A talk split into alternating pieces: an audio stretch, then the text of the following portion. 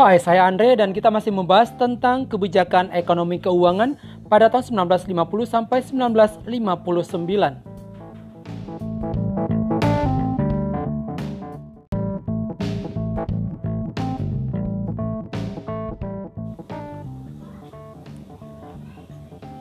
Halo, baiklah istri lovers. Sekarang kita lanjutkan tentang topik berikutnya, yaitu rencana Sumitro. Rencana Sumitro adalah kebijakan yang berkaitan dengan industrialisasi. Kebijakannya antara lain mendirikan pabrik semen, pabrik karung, pabrik pemintalan, perbaikan sarana pertanian, dan masalah penanaman modal asing. Selanjutnya adalah Biro Perancang Negara.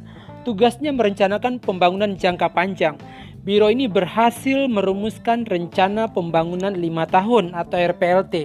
Tapi sayang, RPLT ternyata gagal terlaksana karena pertama, terjadi depresi ekonomi di Amerika Serikat dan Eropa pada tahun 1957 sampai 1958 sehingga harga barang ekspor Indonesia turun.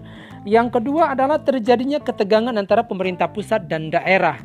Berikutnya, terjadinya barter gelap sehingga membahayakan pemasukan uang dan pendapatan negara.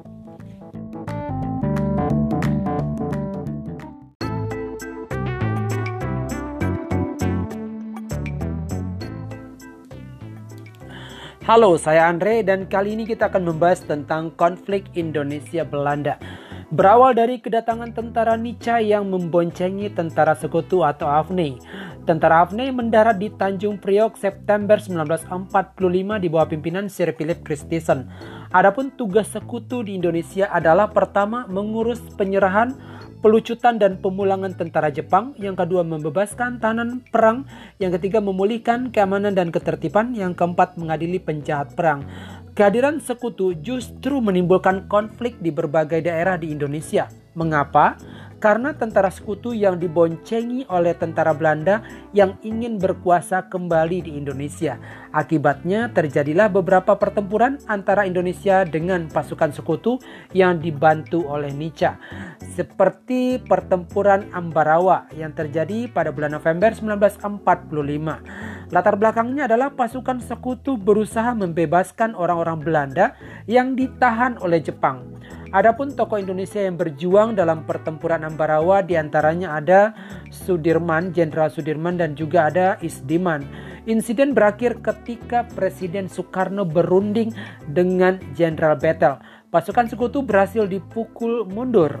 Dengan kemenangan ini, nama Sudirman semakin populer sebagai pimpinan TKR. Untuk mengenang pertempuran Ambarawa, maka tanggal 15 Desember diperingati sebagai Hari Infanteri di Ambarawa, dibangunlah Monumen Palagan Ambarawa.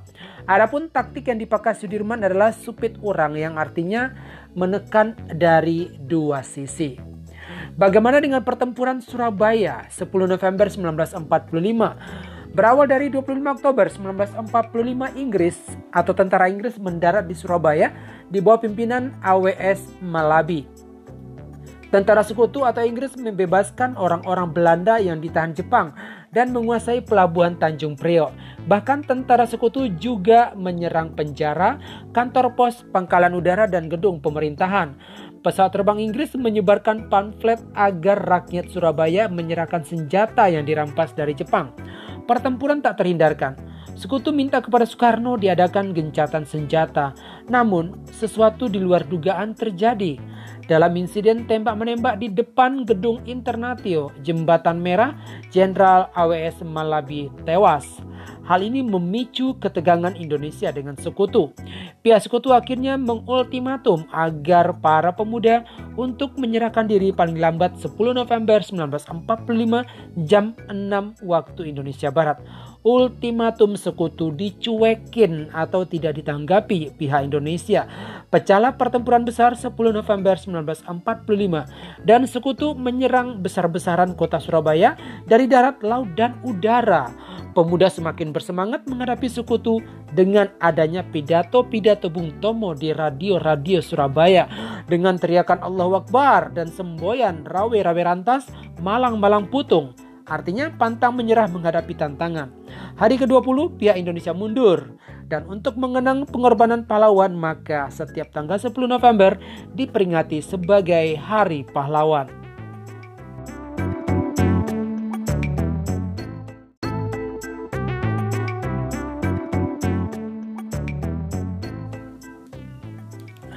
Halo, saya Andre dan kali ini kita akan membahas tentang konflik Indonesia Belanda. Berawal dari kedatangan tentara Nica yang memboncengi tentara sekutu atau AFNI. Tentara AFNI mendarat di Tanjung Priok September 1945 di bawah pimpinan Sir Philip Christensen. Adapun tugas sekutu di Indonesia adalah pertama mengurus penyerahan pelucutan dan pemulangan tentara Jepang, yang kedua membebaskan tahanan perang, yang ketiga memulihkan keamanan dan ketertiban, yang keempat mengadili penjahat perang. Kehadiran sekutu justru menimbulkan konflik di berbagai daerah di Indonesia. Mengapa? Karena tentara sekutu yang diboncengi oleh tentara Belanda yang ingin berkuasa kembali di Indonesia.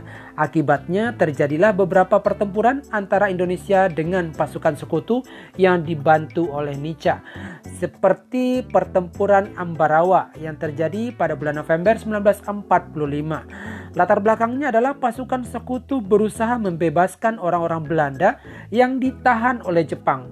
Adapun tokoh Indonesia yang berjuang dalam pertempuran Ambarawa di antaranya ada Sudirman, Jenderal Sudirman dan juga ada Isdiman. Insiden berakhir ketika Presiden Soekarno berunding dengan Jenderal Bettel. Pasukan sekutu berhasil dipukul mundur. Dengan kemenangan ini, nama Sudirman semakin populer sebagai pimpinan TKR. Untuk mengenang pertempuran Ambarawa, maka tanggal 15 Desember diperingati sebagai Hari Infanteri di Ambarawa, dibangunlah Monumen Palagan Ambarawa.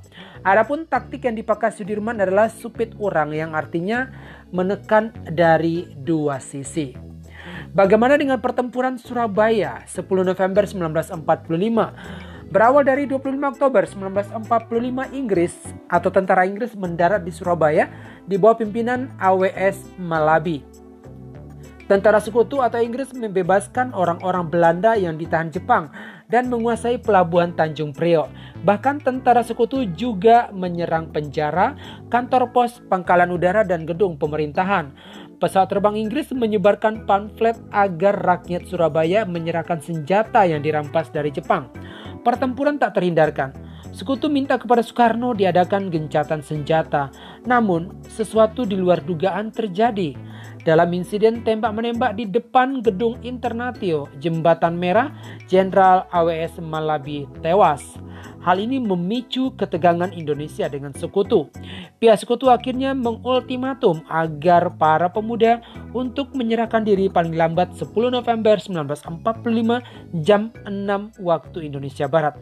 Ultimatum sekutu dicuekin atau tidak ditanggapi pihak Indonesia. Pecahlah pertempuran besar 10 November 1945 dan sekutu menyerang besar-besaran kota Surabaya dari darat, laut, dan udara. Pemuda semakin bersemangat menghadapi sekutu dengan adanya pidato-pidato Bung Tomo di radio-radio Surabaya dengan teriakan Allah Akbar dan semboyan rawe-rawe rantas malang-malang putung. Artinya pantang menyerah menghadapi tantangan. Hari ke-20 pihak Indonesia mundur. Dan untuk mengenang pengorbanan pahlawan maka setiap tanggal 10 November diperingati sebagai Hari Pahlawan.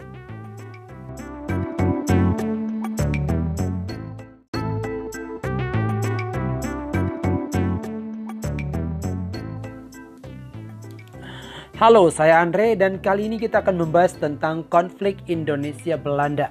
Berawal dari kedatangan tentara Nica yang memboncengi tentara sekutu atau AFNI. Tentara AFNI mendarat di Tanjung Priok September 1945 di bawah pimpinan Sir Philip Christensen. Adapun tugas sekutu di Indonesia adalah pertama mengurus penyerahan pelucutan dan pemulangan tentara Jepang, yang kedua membebaskan tahanan perang, yang ketiga memulihkan keamanan dan ketertiban, yang keempat mengadili penjahat perang. Kehadiran sekutu justru menimbulkan konflik di berbagai daerah di Indonesia. Mengapa? Karena tentara sekutu yang diboncengi oleh tentara Belanda yang ingin berkuasa kembali di Indonesia. Akibatnya terjadilah beberapa pertempuran antara Indonesia dengan pasukan sekutu yang dibantu oleh Nica. seperti pertempuran Ambarawa yang terjadi pada bulan November 1945. Latar belakangnya adalah pasukan sekutu berusaha membebaskan orang-orang Belanda yang ditahan oleh Jepang. Adapun tokoh Indonesia yang berjuang dalam pertempuran Ambarawa di antaranya ada Sudirman, Jenderal Sudirman dan juga ada Isdiman. Insiden berakhir ketika Presiden Soekarno berunding dengan Jenderal Bettel. Pasukan sekutu berhasil dipukul mundur. Dengan kemenangan ini, nama Sudirman semakin populer sebagai pimpinan TKR. Untuk mengenang pertempuran Ambarawa, maka tanggal 15 Desember diperingati sebagai Hari Infanteri di Ambarawa. Dibangunlah Monumen Palagan Ambarawa. Adapun taktik yang dipakai Sudirman adalah supit orang yang artinya menekan dari dua sisi. Bagaimana dengan pertempuran Surabaya 10 November 1945? Berawal dari 25 Oktober 1945 Inggris atau tentara Inggris mendarat di Surabaya di bawah pimpinan AWS Malabi. Tentara sekutu atau Inggris membebaskan orang-orang Belanda yang ditahan Jepang dan menguasai pelabuhan Tanjung Priok. Bahkan tentara sekutu juga menyerang penjara, kantor pos, pangkalan udara, dan gedung pemerintahan. Pesawat terbang Inggris menyebarkan pamflet agar rakyat Surabaya menyerahkan senjata yang dirampas dari Jepang. Pertempuran tak terhindarkan. Sekutu minta kepada Soekarno diadakan gencatan senjata. Namun, sesuatu di luar dugaan terjadi. Dalam insiden tembak-menembak di depan gedung Internatio, Jembatan Merah, Jenderal AWS Malabi tewas. Hal ini memicu ketegangan Indonesia dengan sekutu. Pihak sekutu akhirnya mengultimatum agar para pemuda untuk menyerahkan diri paling lambat 10 November 1945 jam 6 waktu Indonesia Barat ultimatum sekutu dicuekin atau tidak ditanggapi pihak Indonesia. Pecahlah pertempuran besar 10 November 1945 dan sekutu menyerang besar-besaran kota Surabaya dari darat, laut, dan udara. Pemuda semakin bersemangat menghadapi sekutu dengan adanya pidato-pidato Bung Tomo di radio-radio Surabaya dengan teriakan Allahu Akbar dan semboyan rawe-rawe rantas malang-malang putung. Artinya pantang menyerah menghadapi tantangan. Hari ke-20 pihak Indonesia mundur. Dan untuk mengenang pengorbanan pahlawan maka setiap tanggal 10 November diperingati sebagai Hari Pahlawan.